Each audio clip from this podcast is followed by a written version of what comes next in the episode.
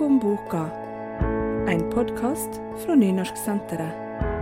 Programleder er Heidi Fagna.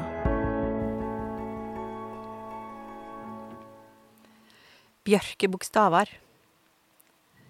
Høgt oppe i bjørka leitar eg fram lommekniven og risser inn navnet mitt. Innanfor borken lyser det i kvitt tre. Sevje pipler ut fra bokstavene. Store, gylne dråper som sola spegler seg i. De smaker søtt.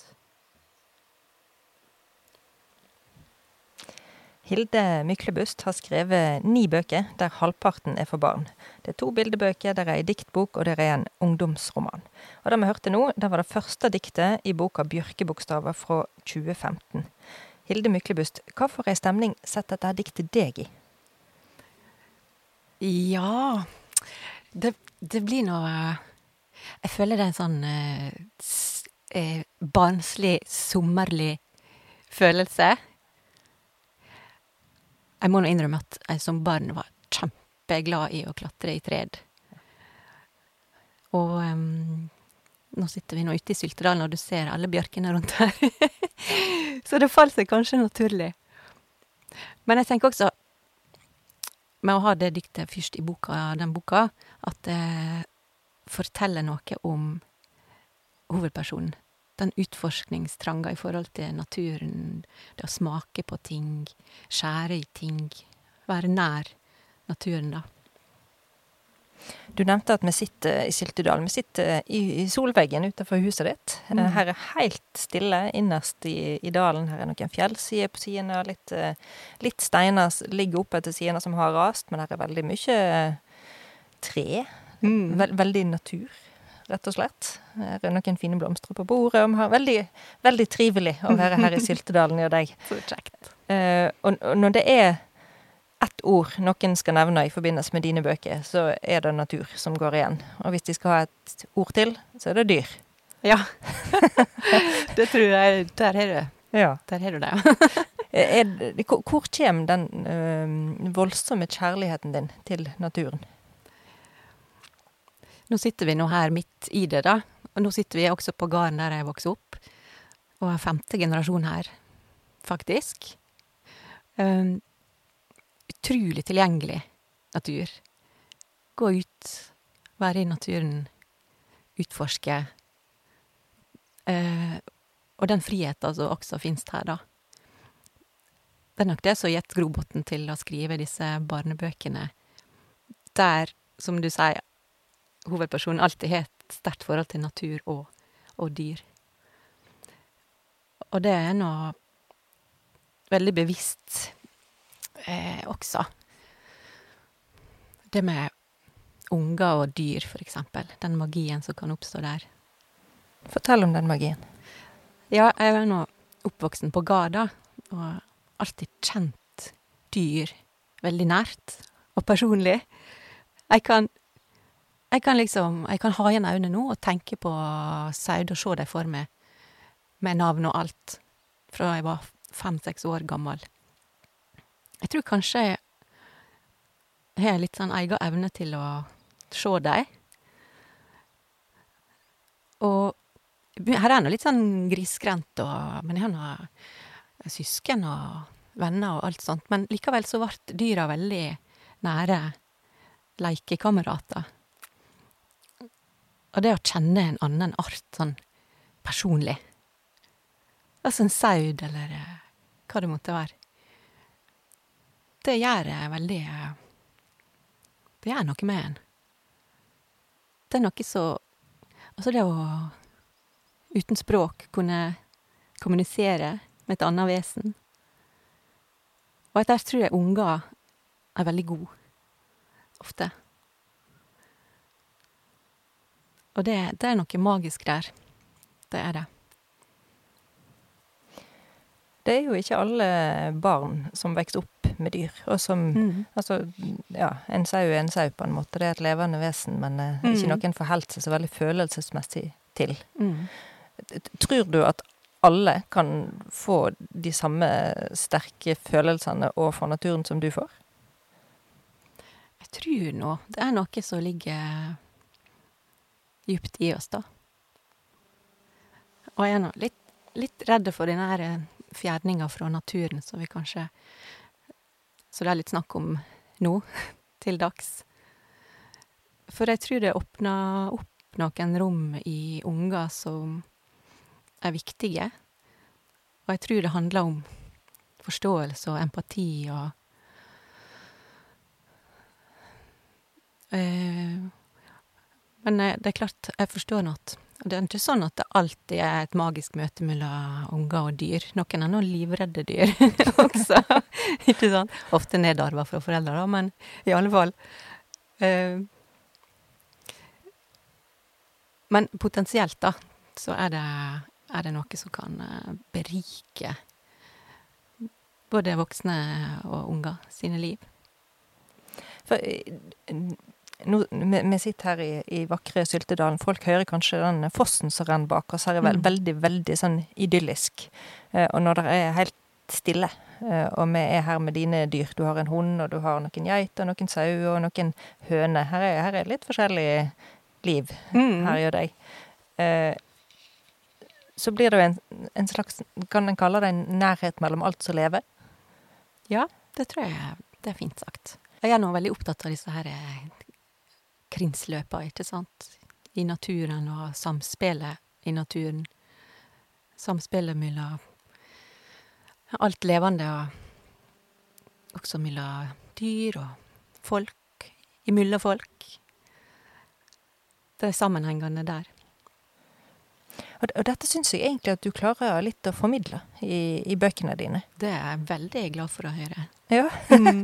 Ja, for er, jeg prøvde å telle opp litt. Eh, I bøkene dine så er det hester, og så er det geiter, og så er det hunder, og så er det sauer, og så er det en god del fugler. ja. mm. Hadde det vært umulig for deg å skrive ei bok som ikke inkluderte dyr? helt utenkelig. jeg bruker å si at eh, hvis ikke det er et dyr eller ei løde i bøkene mine, så er det da har det skjedd noe rart. da må du være sånn ghostwriter eller noe. Men uh, um, det er nå det jeg uh, gjerne vil formidle, og jeg føler at jeg kan formidle på en god måte. Jeg vil iallfall prøve det, da. Ja. Og hvis folk kan, eh, altså leser bøkene, kan, kan føle det, så blir jeg veldig glad. Eh, Du nevnte eh, at her på tunet ditt i Syltedalen er du femte generasjon. Familien din er herifra, du er herifra. Mm. Eh, Og da har jeg jo tenkt på at hovedpersonene dine de virker ofte veldig sånn jorda og Ja. stadbundne. De kommer fra en plass. Mm. Er det noe du har gjort bevisst, eller er det bare noe som, som skjer litt av seg sjøl? Begge deler, tror jeg. Når jeg debuterte, så debuterte jeg med ei diktsamling for voksne som Der eh, så var egentlig utgangspunktet i gården her. Og det var nå starten på forfatterskapet mitt. Og jeg forsto vel da at eh, her er noe som jeg kan bruke. Her er råstoffet mitt. Og ikke bare for eh, diktbøkene, men også for barnebøkene som kom seinere, da. At eh, Ja, og det råstoffet kan jeg bruke i flere sjangre.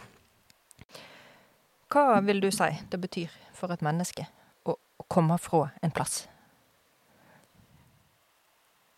Jeg tror det er mm, veldig viktig. Jeg tror folk som føler det sånn, er heldige, egentlig. Det er ikke alle som Det er ikke alle som har den eh, bindinga, eller det, de røttene. Og jeg flytta nå tilbake etter å ha studert i Bergen og vært i Oslo, og, og var egentlig bestemt Alltid tenkt at jeg skulle tilbake. Nettopp fordi at jeg, jeg har denne, disse voldsomt dype røttene i denne plassen, da. Uh, og jeg føler meg Jeg føler meg på mange måter heldig som har det. Og hatt den, den vissheten. Men eh, veldig mange har det nå ikke sånn. Da, kan flakke, flakke rundt. Eller folk kan uh, føle seg hjemme på flere plasser. også. Jeg hadde nå en fantastisk eh, Det var, ikke så helt supert å bo i byen og Oslo og Bergen og studenttida og alt dette der. Men hele tida så hadde jeg denne her eh, plassen som var heime. Og var veldig mye heime. I lange strekk. Jeg har aldri gått glipp av ei lambing, altså ei lambeperiode, da. hjemme på gården, for eksempel. Da, det er veldig mye spennende jeg takker nei til på grunn av lambinga. Poesifestivaler i England og hva det måtte være. Ja. Da må jeg være hjemme med de fødende, ja. Absolutt. Er det fordi de trenger hjelpa di, eller er det fordi at du trenger å være der når lammene blir født? det er et godt spørsmål, men eh, De trenger noe hjelp av meg. Noen trenger det veldig når de skal lambe. Men jeg hadde sikkert ikke hatt det så veldig godt med meg sjøl hvis jeg ikke hadde mulighet til, å være her heller. Det ligger veldig djupt, altså. Og så det med akkurat dette med lambinga. Når det er nytt liv som blir født inn på gården. Det er Det er utgangspunktet for alt, alt dette her vi driver med. Og da, da vil jeg være her. Mm. Tenker du at du eh, skriver for de som kjenner igjen disse erfaringene, eller for de som aldri har tenkt tanken før på det du snakker om? Begge, håper jeg. Jeg tror det kan være veldig, veldig fint for eh, en leser som verken har vært på gard eller vokst opp med dyr eller tett på naturen, å lese om, om et sånt univers, om jeg skal kalle det det. Og det er noe, det er noe slik med litteraturen at vi ofte går til den for opplevelser som vi sjøl ikke har mulighet for å oppleve eh, også. Jeg tenker, det er noe av det å være menneske som er så fantastisk. Sant? Vi har, fantasien og litteraturen som kan bringe nær ting som vi aldri kan oppleve på første hånd sjøl. Det tror jeg um, Så jeg tror jeg skriver for, uh, for begge deler. Fint gjenkjennelse og alltid en god følelse i leseren, da. Men jeg tror også den overraskelsen i en leser over å oppleve noe som kanskje ikke kjenner så godt til, kan være like sterk. Eh, Du blir ofte presentert som eh, lyriker, men du Mhm. har gitt ut like mange andre bøker, både romaner og, Ja. eh, og bildebøker. Hva, hva ligger hjertet ditt nærmest? Lyrikken var nå Det er nå der jeg har Det er der jeg gjorde mest, altså. Jeg debuterte nå som lyriker. Og lyrikken er nå den er en kvalitet ved språket som ikke trenger å bare være i ei diktbok, men som kan følge hele forfatterskapet. Og der har jeg vært bevisst på at uh, poesien alltid er med i alle bøkene mine, ikke bare diktsamlingene. Så ja. Identiteten min er nok veldig djupt forankra i lyrikken og poesien. Den dukker opp hvor det måtte være. Det er nå det som er så fantastisk med poesien, at den er, den er så bevegelig og så uh, Den har noen kvaliteter som kan fungere i alle sjangre. Mm. Du er, du er en lyriker som av og til gir ut uh, en roman eller ei bildebok. Ja, vi kan si det sånn. Ja. Uh, men hvor- lik eller ulik er, er prosessen, da, når du skriver ei ren lyrikkbok, og når du skriver uh, roman eller ei bildebok? Jeg er ganske ulik. Det hender nå at jeg også skriver på begge deler samtidig. Det er nå litt sånn når han driver gard, at det er mye arbeid ute, og mye fysisk arbeid. Det, det føler jeg er veldig sånn eh, perfekt symbiose for eh, lyrikk. Og for det er så mye tankearbeid, observasjonsarbeid. Eh, og i perioder der jeg ikke har så mye god tid til skriving, f.eks., så kan jeg jobbe med, med dikt. Da kan du sitte og jobbe med få ord og få setninger. Mens i Når du jobber med en roman, da, da må du på en måte være i stoffet hele tida.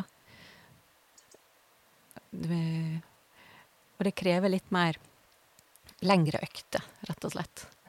Lengre skriveøkter.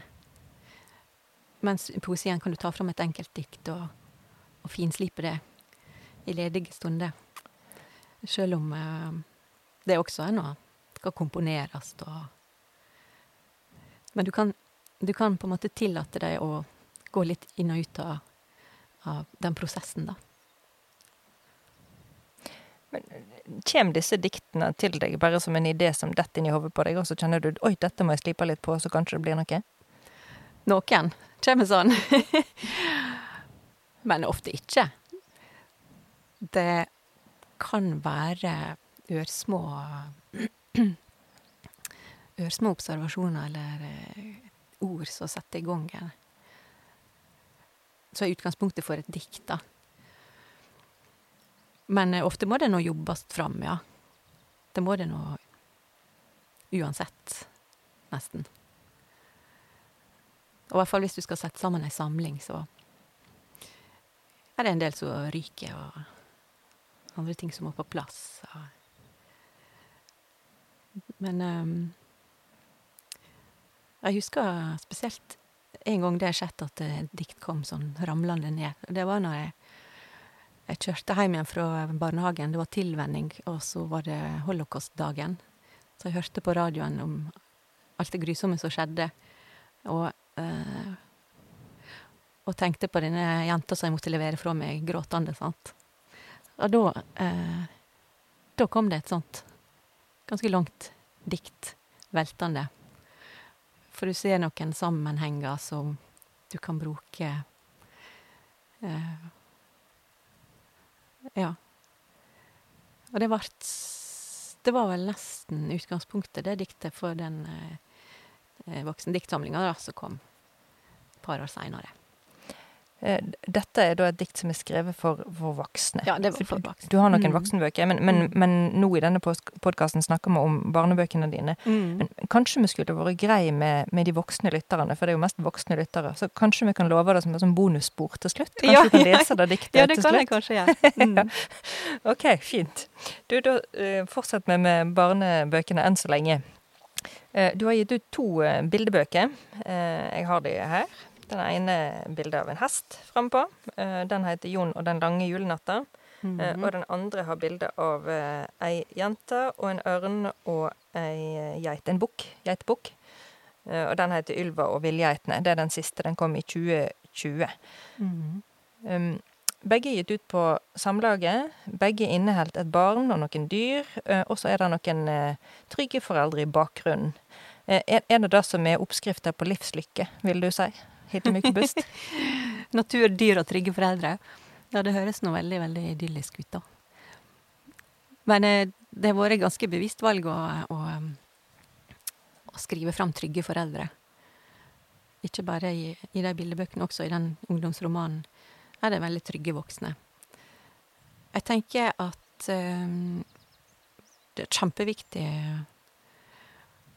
jobb de gjør, de forfatterne som skriver fra utrygge heimer, og, og hvordan ungene opplever det. Mens jeg eh, tenker at min oppgave er å vise fram de trygge foreldra, da. Eh, som gir barnet frihet, eller eh, styrker dem. For det fins òg. Mm. Takk og pris. Ja, takk og pris. hva, hva definerer en trygg forelder? Ja, det, det handler nå mye om omsorg, eh, tenker jeg. Det å være, og det å være til stades i ungene sitt liv.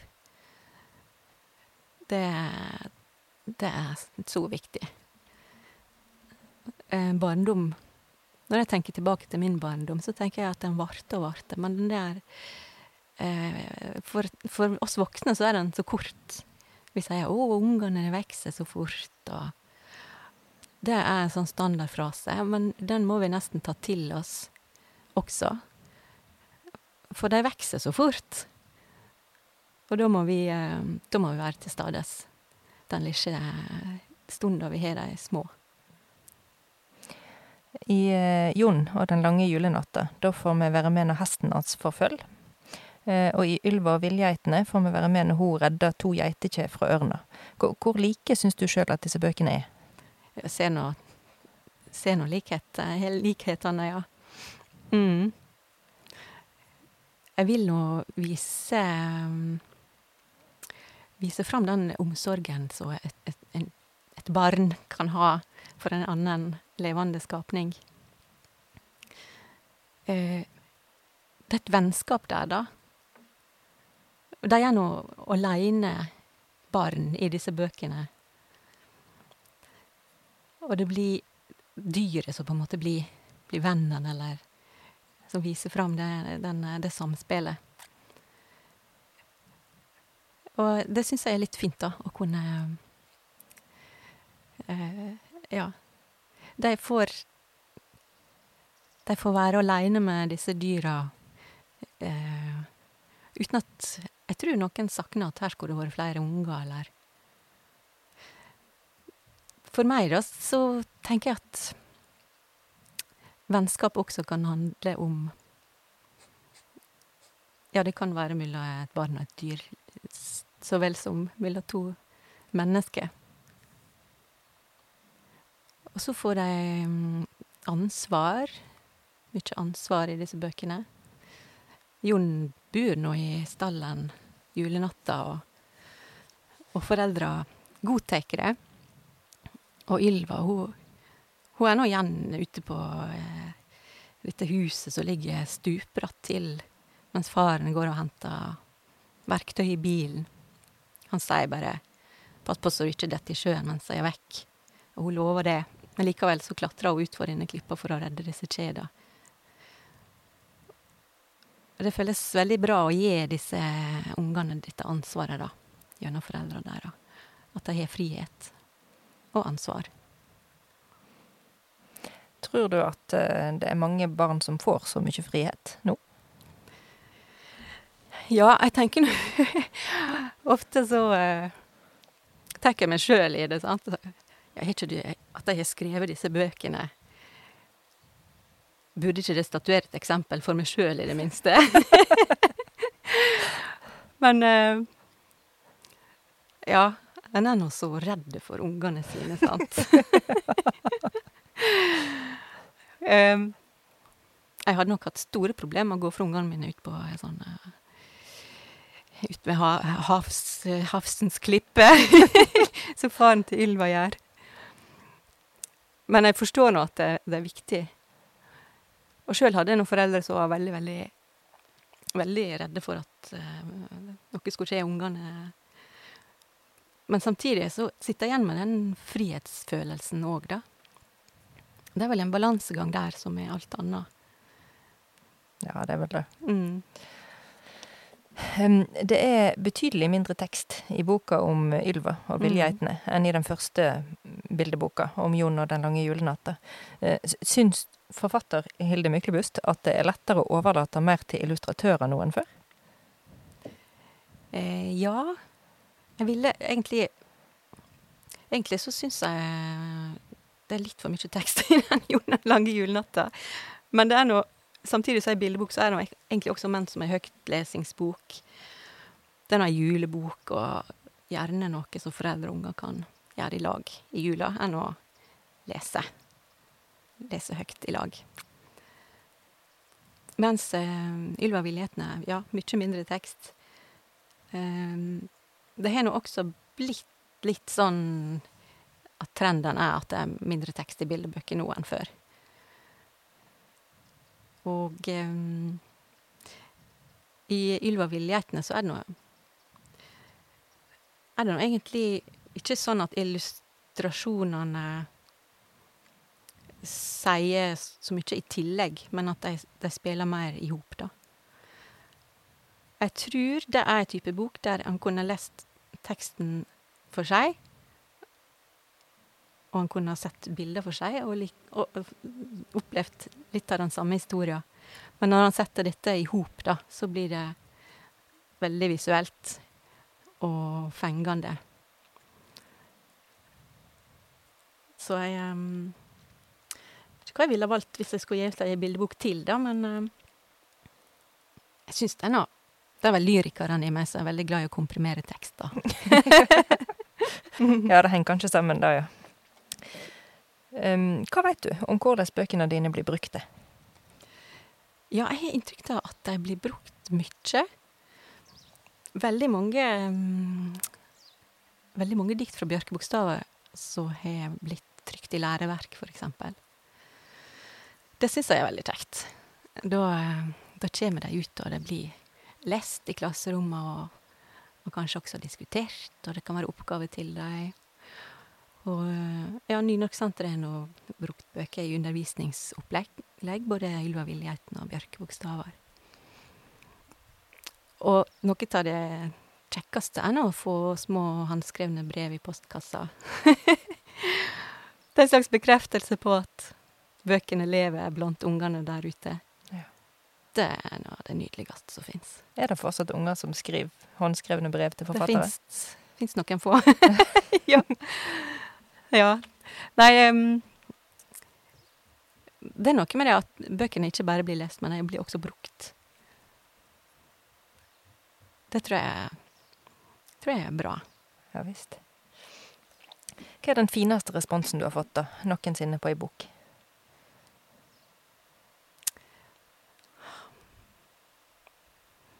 Det er, det er, så, det er mange forskjellige.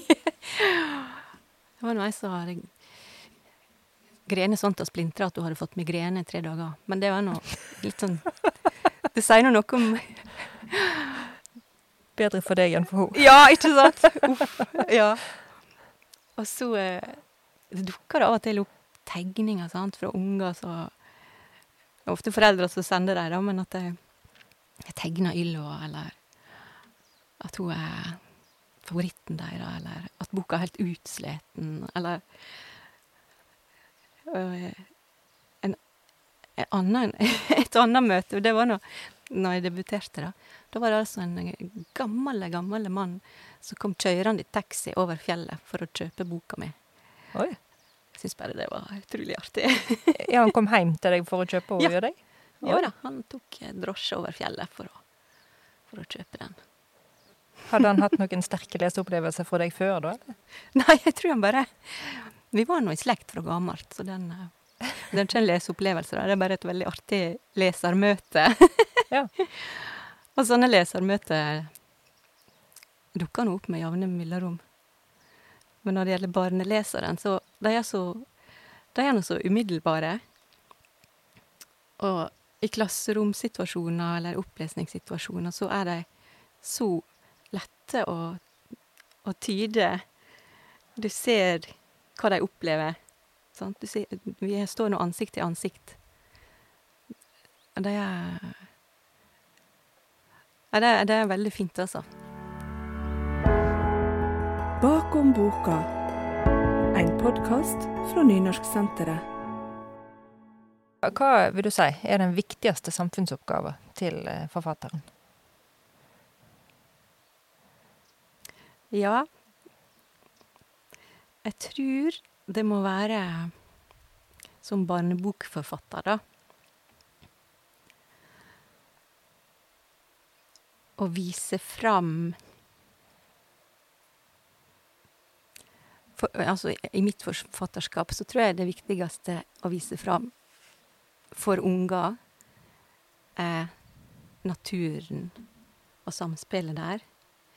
Og særlig i vår tid, når, eh, når naturen er trua, og vi har så mye tap av natur, og artene forsvinner, så tror jeg det viktigste for meg er å gjøre dem bevisste på naturen. Gjøre dem glad i naturen. Kanskje gjennom bøkene mine kan de få lyst til å oppdage naturen. Og jeg tenker nå at det er en måte å bevare den på også. Mange ganger tenker jeg hvordan kan vi skrive om noe som helst annet enn det som foregår rundt oss nå? Men så tenker jeg at det har jeg på en måte gjort i alle bøkene mine for unger, i og med at naturen er så til stades, og samspillet der. Så det føler jeg iallfall er den viktigste oppgaven min. Når du sier de tingene som skjer rundt oss, hva spesielt tenker du på det? Nei, nå, nå snakker jeg nå om det Den naturkrisa som er i ferd med å skje.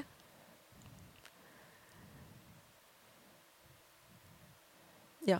Tapet av natur og klimaforandringene og Og det som truer oss alle. Enormt stor tro på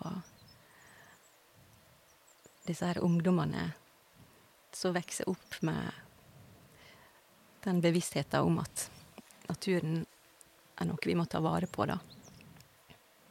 Vår generasjon igjen er en sånn Føler vi ofte er litt sånn mylla skjær, hvileskjær, eller hva man skal si. Generasjonen før oss var Visste noe ikke om det, på en måte. Vi er visst, men kanskje ikke forstått. Men de som kommer etter oss igjen, de tror jeg forstår. Mm.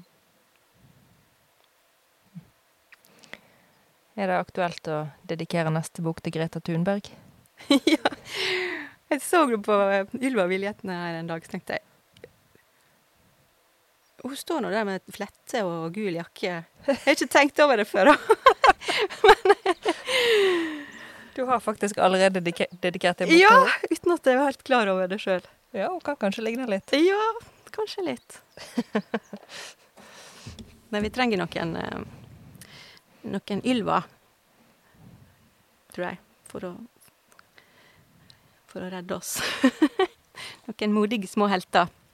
Det må vi ha. Du ga ut den første diktsamlinga di bare dager seinere, da du var 26 år. Det var jeg av de som var for voksne, da. Mm. Hvor lenge hadde den lagt og ulma i deg? Ikke så veldig lenge, egentlig. Den, den kom ut uh, året etter jeg gikk på Skrivekunstakademiet. Den vokste vel egentlig fram der. Selv om jeg har skrevet veldig, veldig lenge. Før det så hadde jeg kanskje ikke funnet helt fram til det som var min stemme, da. Eh, men i løpet av det året så Det var da jeg egentlig oppdaga råstoffet mitt. Og klarte å bruke det. Når jeg, når jeg la av med disse her eh, litt sånn lange, svulstige formuleringene i, så jeg på mystisk vis klarte å komme inn på Skrivekunstakademiet med det. Og, og så at jeg hadde mest å hente i å se det store i det små, og skildre det nære. Så vokste den boka fram, bare dager seinere. Så tar jeg utgangspunkt i, i en gard, og krinsløp og liv og døden i i samspill.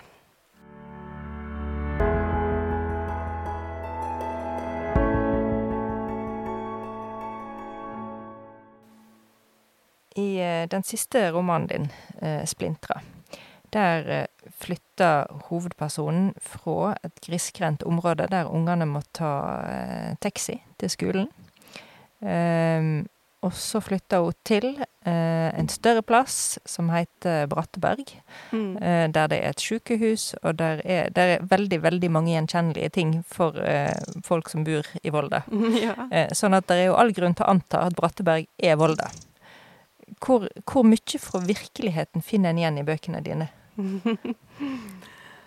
ja, Bratteberg er helt klart Er ikke det, det er noe et område i Volda som Ja, heter Bratteberg også. ja. Ja. Jeg gikk nå på videregående og bodde på hybel i, i, i Volda. Ikke på musikklinja, vel å merke. det er nok en del av meg i alle bøkene mine. Eh, Jeg merker det ofte på leserne at de kanskje tror det er vel mye av meg i bøkene. Særlig splintra, da, som vokser ut fra noen eh, vanskelige erfaringer og store opplevelser fra egen ungdom. Men det er på en måte erfaringene som er sanne, ikke nødvendigvis karakterene eller scenene eller detaljene eller Det er nå et arbeid der han eh, bygger ut et eget skjønnlitterært univers. Og jeg, jeg forstår at lesere, og kanskje lesere også kjenner meg og kjenner historier bak og det jeg opplevde med tap av nære venner i ung alder, at jeg kan At det er vanskelig å overse Eller er det vanskelig å la være å lete etter sannheten, på en måte? Hva som kan være Er dette en scene som stemmer med virkeligheten, eller er dette noe som er blitt sagt? For bak i Splintra så står det jo to eh, ekte navn på folk som har levd, med, Mm. med ti, året, de ble, året de ble født og året de døde. Mm. Så, sånn at her er jo noe fra virkeligheten, og du sier det jo sjøl. Og de som kjenner Mm. deg, de, de veit jo at dette er mennesker som har levd. Ja. Um, er det vanskelig for deg av og til at folk driver og leter og leter i ditt liv for å finne, finne det igjen i bøkene? Ja. Det kan være litt sånn um, en, Ja, jeg ble litt sånn overraska over at uh, At folk kanskje ikke eh, helt klarer å la seg rive med av det, at det er skjønnlitteratur, da.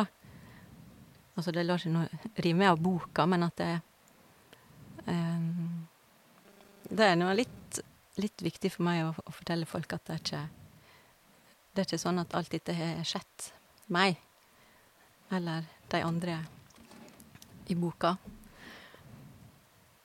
Det er oppdikta, nesten, nesten alt.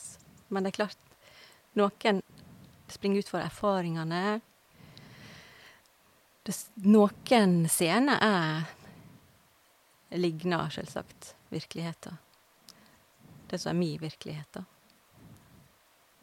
Men det vil nå aldri stemme med sånn som det var. Verken for meg eller andre. Det blir litt skummelt å omgås forfattere, vet du, for plutselig så dukker en opp på en ufordelaktig måte i en bok. ja! Men det er klart nei, Akkurat splintra, da. Så eh, Så handler det om det å miste en så nær venn. Noe jeg sjøl opplevde. Så veit nå folk om det. Og vil nok tenke at uh, mye av det er sant.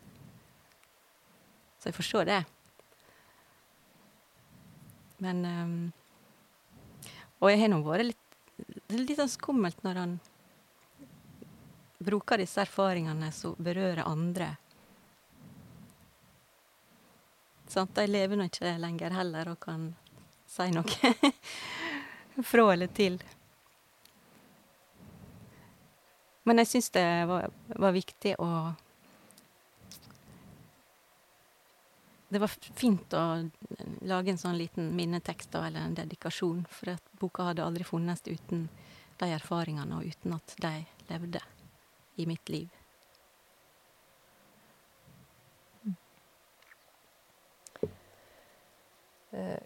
Når du har en, eh, en idé som du jobber litt med, og du tenker at dette begynner jo å bli sånn, eh, sånn halvbra i det minste, går det an å beskrive det punktet der du skjønner at dette her blir noe?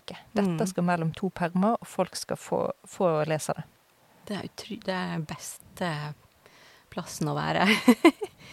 å jobbe med førsteutkast, det syns jeg er veldig kjekt. Da Når ikke det har vært innom forlaget enda Det er nå alltid en usikkerhet i det, da. Det er ikke sånn at jeg nødvendigvis vil ha det. Men eh, det er sånn frihet der med at du du, du også har lov til å prøve og feile og å bygge Bygge opp ting så du Ofte så ser du ja, ja, dette skal sikkert ut igjen, men hva gjør vel det? En god del av skrivinga handler nå om å bygge opp eh, tekst, da. Og noen scener vil føre til en annen scene, som kanskje forstår mens du må stryke den andre. Altså. Det er noe, det er noe Ja. Nei, akkurat den prosessen i starten på ei bok, og du forstår at uh, det er noe som kanskje skal bli bok, den liker jeg veldig godt.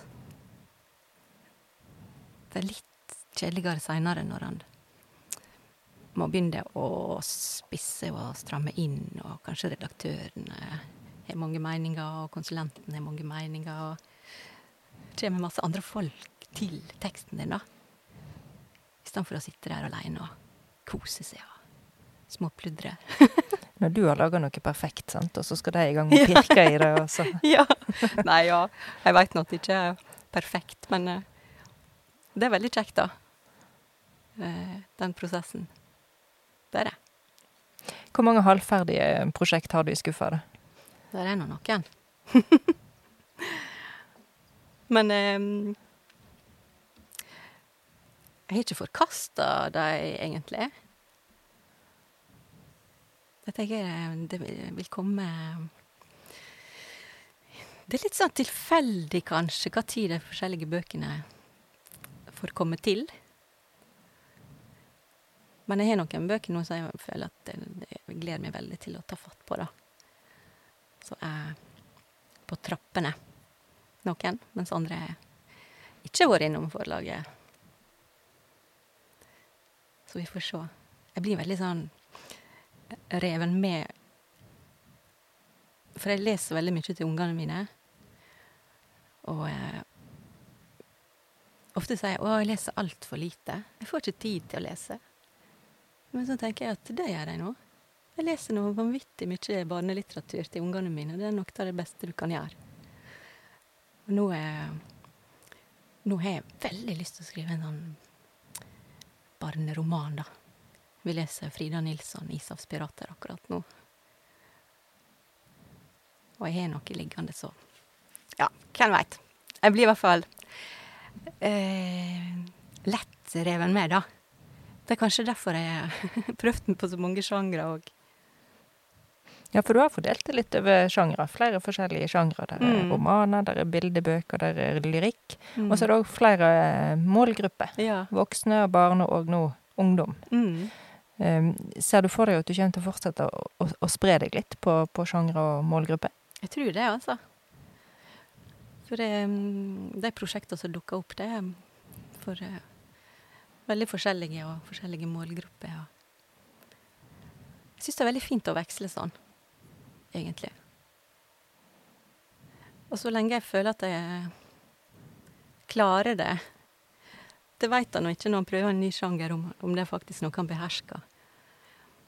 Jeg hadde nå skrevet en, en roman før for voksne, før jeg skrev 'Splintra'. Men å skrive en ungdomsroman var nå ei god utfordring, syns jeg.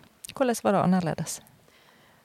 Nei, det er nå mm, det språklige, kanskje.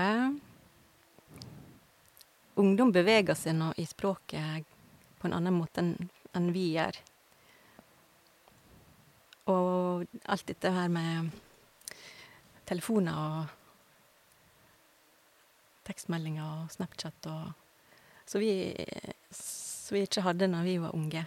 Det må man på en måte Du, du, du kan ikke skrive en eh, roman for ungdom i dag som skal handle fra, med handling fra denne tida, uten å ha det med, da.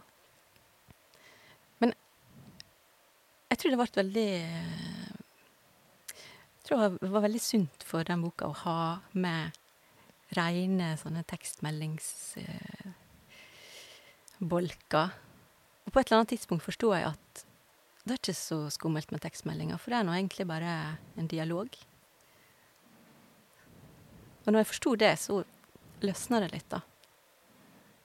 Og så er det litt med det at det er forskjell på å skrive ei melding Kanskje kan du være litt friere enn å si noe direkte til noen. Så de tekstmeldingene gjorde kanskje at eh, Ja, det kom til en del scener som ikke ville vært der ellers, da. Du har rett og slett fått en filosofisk åpenbaring rundt tekstmeldinga så deilig. i arbeidet med denne boka. ja. Ja, for det er jo et tydelig ungdommelig språk. sant? Der er snap, og der er lol, og der er hjerte-emojis, og Mm. ungdommene syns at alt mulig rart det er sjukt bra og, og sjukt teit. ja. Ha- Hadde boka eh, Tenker du at den ikke hadde vært troverdig hvis ikke du hadde hatt med disse tingene? Jeg tror et, ja, ja, jeg må nå fange språket deres på et eller annet vis, da. Hvis ikke så Jeg vil nå Den ungdommen jeg skriver for, jeg vil nå at jeg skal være med på Være med på notene hele veien. Jeg tror det hadde vært rart å, å unngå det. Unaturlig. Jeg har nå et par sånn tantebarn her hjemme som er ungdommer da, som går på videregående, så, så jeg har kunnet spurt om råd. Gjort litt research? Ja, ja, ja, ja. Ja. Det er ganske viktig. Ja visst. Mm. Men, men eh, det som er med ungdommen, vet du, er at eh, de forandrer jo språket sitt så fort. Mm. Eh, Er er du redd for at boka blir litt utdatert om noen få år? Det kan godt hende den blir det, ja. Men eh, da må jeg bare stole på at, eh, at historia bærer den, da. Eh, og språket bærer den. Slik at den ikke, ikke forsvinner på grunn av noe sosiale medier, endringer i sosiale medier. Jeg håper nå det, da. Men jeg ser absolutt den, da. At det, at det er endring. Hele tida. Er det eh, mest ungdommer eller mest voksne som, eh, som har gitt tilbakemeldinger på den eh, boka, 'Splintre'? Begge deler, altså. Jeg ser nå eh, Utrolig kjekt å få, få tilbakemelding fra målgruppa, da. Og at de faktisk blir rørte og kan liksom At de så tydelig har blitt grepne og liksom gitt seg hen til eh, historier.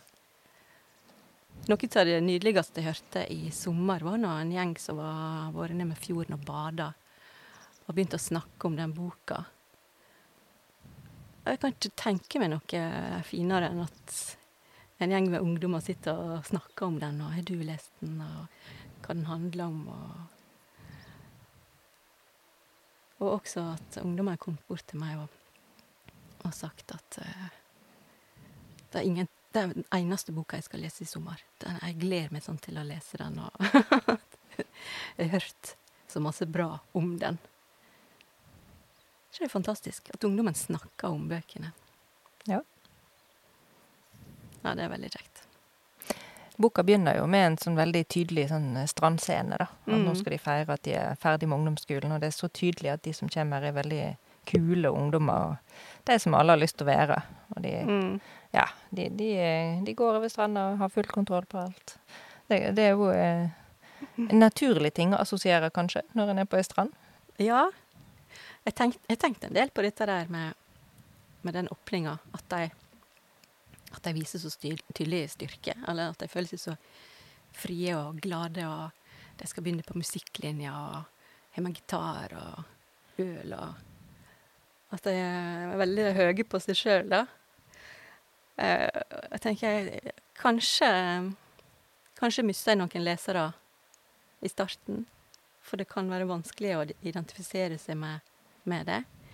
Hvis du ikke hører til en vennegjeng eller er ensom eller Men, ehm, men så har jeg tenkt at eh, den åpningsscenen egentlig er veldig, veldig viktig som kontrast til det som skal komme, da. For alvoret kommer så midt i fleisen på dem.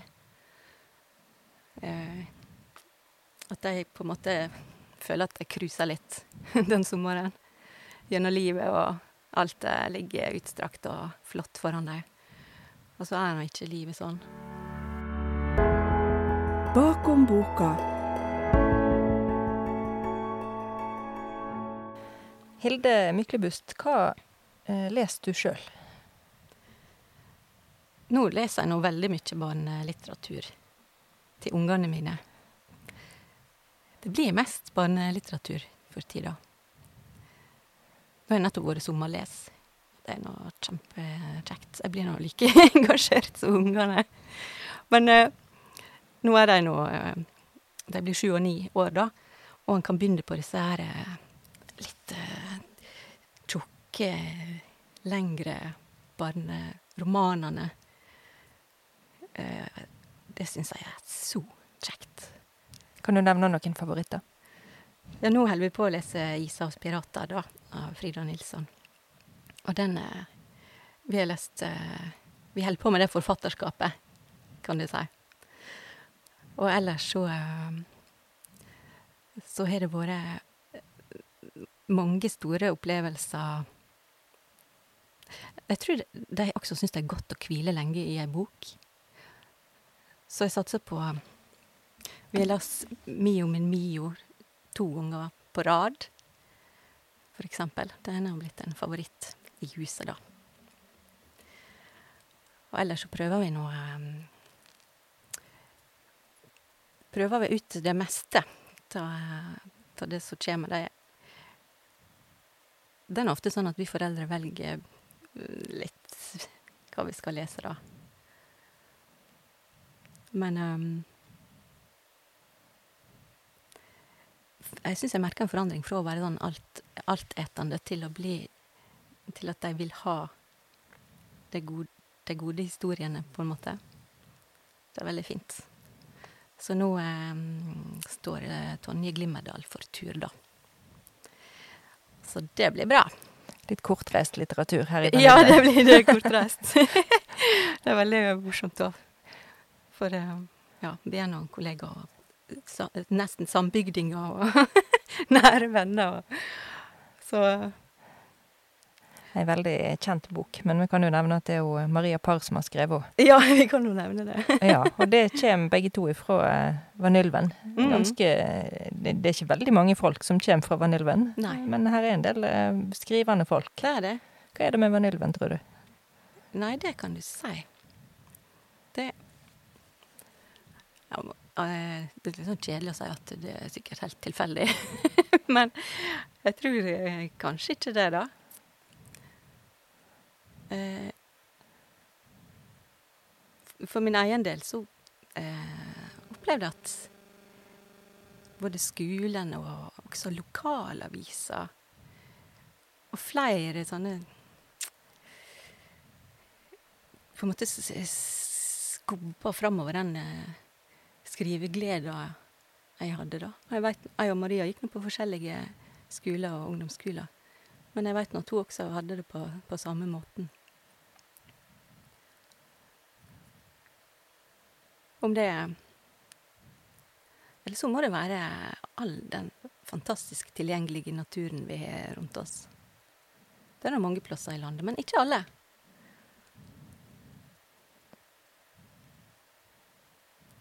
Men nå eh, Ja. Det er mange skrivende i Vanylven. Jeg har nå en her i huset òg. Han er ikke herfra, da, men han er nå havna her. Ja, du, er, du bor i lag med en, en som skriver for voksne. En Ja. Martin Balders. Mm. Ja. ja. Det er veldig eh, berikende å ha noen å eh, snakke med om disse tinga. Og, og særlig også Maria, sant, så vi prøver å møtes og Det er ikke nødvendigvis sånn at vi skriver så Nei, altså snakker så voldsomt mye om skrivinga, men, men ofte gjør vi nå det. Det tror jeg er kjempesunt. Og jeg flytta nå hit eh, ja, da eh, Rett etter far min døde, og jeg var nettopp ferdig på Skrivekunstakademiet, flytta jeg tilbake hit. Og kom fra et sånt eh, voldsomt skrivende miljø til, til å bo her, da. Og da var det nå ingen skrivende som bodde her. Og det merka jeg nå godt. Så det å ha noen, det trenger ikke å være så mange, men ha noen rundt seg som driver med det samme som du gjør, det tror jeg er veldig sunt for skrivinga mi. Og kan ikke snakke, snakke på vegne av de andre, men jeg tror de også setter pris på det. Bruker du det litt til å kaste ball om ideer og skriving og sånn? Ja. Ja, ja, ja. Og særlig her i, i huset, da. Jeg og Martin leser nå hverandre og, og snakker veldig mye om ideer og sånt. da. Og det Det er veldig fint. Hvem inspirerer deg? Ja, nå er Nå er jeg på en måte tilbake igjen litt i lyrikken, da. For jeg har begynt å Jeg holder på med ei voksendiktsamling nå, da. Og nå har jeg oppdaga Marie Takvam. Som jeg på en måte ikke har lest før, men som virkelig har nådd fram. eh, Kanskje fordi jeg er blitt voksen. Jeg veit ikke. Jeg syns bare det, det slår meg så sterkt. Og jeg gleder meg til å skrive lyrikk igjen nå, da. Hva er det med Marie Takvam som treffer? Ja, det er noe Jeg tror hun eh, Hun fanger noe i holdt på å si det djupt kvinnelige. Men um, Hun har en sånn egen evne til, til uh, bildebruk. Ofte sammensetninger som er kontrastfylte, eller sånn slående bilder, altså. Jeg er veldig eh, opptatt av dette med bildebrukere. Jeg syns det eh, Det er viktig både i prosaen og lyrikken, og for unger også. At, det, at språket skal kunne gi deg ei visuell oppleving. Innvortes.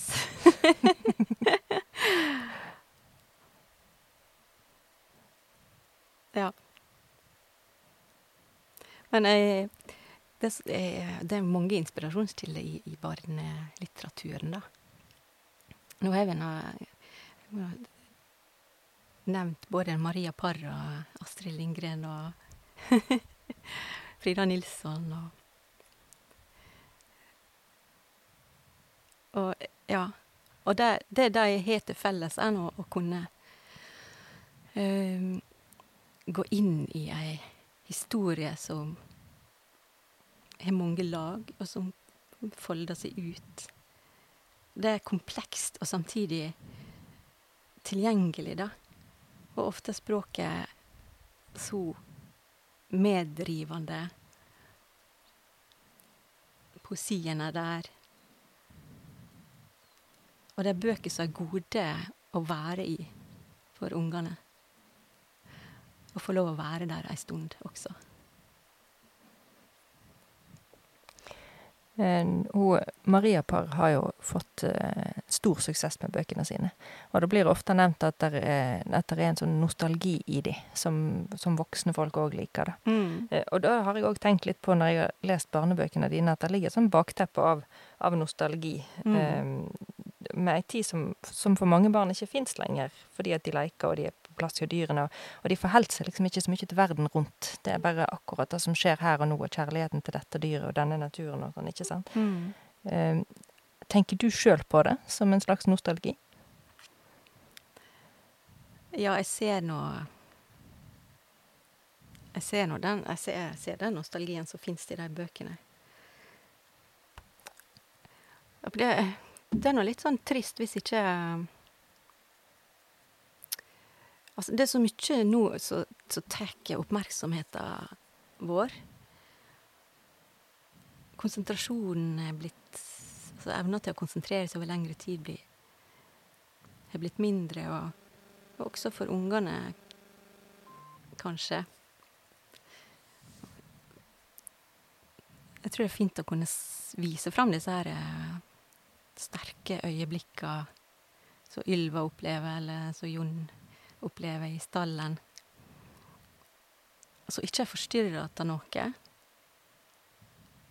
De får være 100 til stades i eh, det som skjer. Og kanskje er det litt nostalgi. Hvor trist det enn høres ut.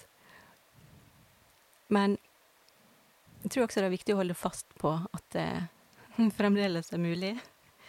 Det må vi nå bare tro. Jeg tror vi skal la det være siste ord, for det var så godt sagt. du, jeg lurte på eh, om vi kunne avslutte med at du leser siste dikt i mm. samlinga Bjørkebokstaver. Yes. Den heter 'Vinterspor'. Takk for praten, eh, forfatter Hilde Myklebust. Vinterspor. Regnet pisker mot ruta heile natta. Når morgenen kjem, er snøen borte. Alt som er att, er to hvite striper med hundespor i, der skiløypa mi gikk langs skogen og elva. Du har hørt Bakom boka, en podkast fra Nynorsksenteret. Programleder er Heidi Fagna. Og så var det bonussporet fra samlinga Kvar en fugl av Hilde Myklebust, et dikt for voksne. Ungen min, som jeg har båret veksende, sovende, sparkende mot det innste i meg. To hjerter hadde jeg i kroppen. På utsida er du fremdeles fast i meg. Stretcher brystvorta til det ytste når jeg freister å komme meg fri. Nå springer du inn barnehageporten så lenge du veit jeg følger deg, hakk i den vesle hælen din, som er så akkurat passelig å krumme håndflata kring ei jording, ei kobling, slik magneter mellom togvogner driv i hop med veldig kraft. Du koplar vogner sjøl nå, Durer av gårde med lokomotiva over golv og under stoler. Men framleis græt du når jeg skal forlate deg, Klamra deg til kroppen min, de små hendene kring nakken, misser taket og glir fram etter halsen, fekter i lufta etter mer mor, mer hud, mer mjølk og lyden av hjerteslaga du kjenner fra innsida. Jeg kjører heimover langs fjorden. Det er i slutten av januar, og inga anna tid på året kjempar morgenen hardere mot natta. De renn saman i et overjordisk lys. Jeg slår på radioen. Det er holocaustdagen. Dagen de gikk inn i leirene og så vondskapen vrengd ut i lyset. Hjartet er ømt og tungt av avskill. Det kan knapt tåle det som vert fortalt, om spedbarn rivne ut av mor sine armer, de små nevene som fekta i lufta etter mer mor, mer hud, mer mjølk. Grove hansker får fastere tak kring en liten kropp, en mjuke, redde hender.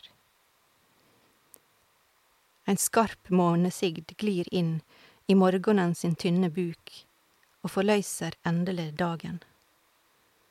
Raud og levende fyller han lungene og skrik. Jeg kjører langs fjorden og er bare mor.